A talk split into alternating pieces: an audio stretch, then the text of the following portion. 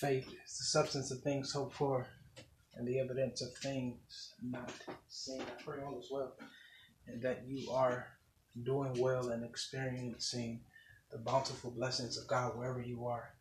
Um, I just want to get on for a few moments and to encourage you wherever you are and prepare you that things are getting ready to shift in your life. Things are getting ready to shift in your life. One thing I notice about God is that when God takes you to the next level, um, as I've been calculating and retracing and uh, looking at my own life and how God is actively participating and being the co-author of or being the author of faith, I realized that before God shifts you and takes you to the next level, God wants to make sure that you learn lessons on the last level that will not carry on to where He's getting ready to promote you to. What am I trying to say? Is that oftentimes before you move to the next promotion, the next uh, level of leadership, before you go to the next venture of life, there are some things in which you have to conquer before you reach that point. And oftentimes, when people go through the same cycles over and over and over again, it's not because God is mad at you, no. It's because God literally sends seasons to you to see how you have matured that God won't send you into the next season of your life until you have conquered some things in your current season and in your past season. So that before you get that thing, you have to make sure that your character is together. That if you still are struggling with patience and long suffering in in this season and, and last season, God won't send you into another season because if you want more in the next season, if you want more responsibility in the next season, with more responsibility comes more people, comes more problems. Therefore, I understand that the cycles in which God sends us through, He sends us through them to see whether or not you have um, learned how to be more patient, learned how to love, learned how to uh, cultivate a state of peace uh, within previous seasons. So, I just want to encourage you that learn the lesson of your season in order for God to take you to wherever it is God is getting ready to take you. It's getting ready to shift and it's going to move.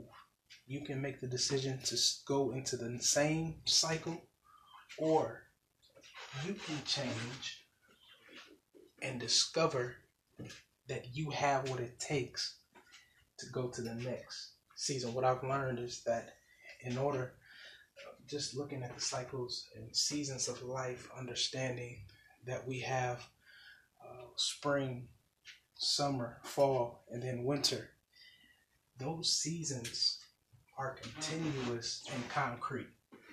You know, every year you're going to get four seasons regardless of where you are, there's going to be, here in America at least, fall, winter, spring, and summer. The season is coming. If you change, you have a better ability to handle the season that's coming up when we understand life and the calendar in which God has placed us within, you now better have the opportunity to prepare for the next season that comes.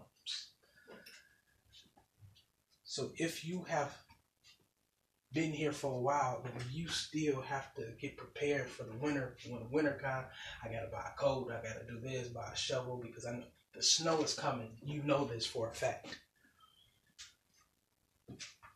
Nobody should, if you've been here long enough, nobody should have to tell you, okay, the snow is coming. You know for a fact. And following the snow, spring is coming, rain is coming. the blossoming of flowers is coming. You know this. It's the same with life. That seasons are coming, but in order for you to get through that season, there has to be an internal shift, internal paradigm shift that allows you to handle the season that will come. All I'm simply trying to tell you is that in order for you to shift, there has to be an internal change. And when you shift on the inside, you will be better equipped to handle all God has for you. All right, be blessed. Go in love, go in peace. Last but not least, if you're listening, please take care of yourself. If you have been watching news, social media platforms, you know what time we're in dealing with the coronavirus and watching people around the world go in chaos and struggle and, and take this thing to heart. Listen, sanitize your hands, wash your hands, take this thing serious, uh, and just be careful. Uh, I'm a person of faith, so I understand that I serve a God. My faith is in God. My trust is in God. He who created the world, the heavens and the earth, and the sea and everything within. That's who my faith is in. That's who I'm rocking with, riding with. And uh, I'm trusting God as Jehovah Rapha. He is a healer. He is one who protects us. So I'm, I'm, I'm trusting in God, but I am not negating common sense and precautions. I have my sanitizer, I'm washing my hands, and I'm being careful. I was in Starbucks earlier this morning and I watched people use literally walk up to the door and use their sleeves to come in, cover their mouths, and come in with masks on. So people are taking this thing serious, and I also believe that we should be serious and be take the proper steps in order to secure our ourselves. Mothers who are pregnant, be careful. Fathers and, and mothers, be careful when it when it when it comes to parenting. Um, elderly, be careful. Um, it's, it's said that this disease is affecting people.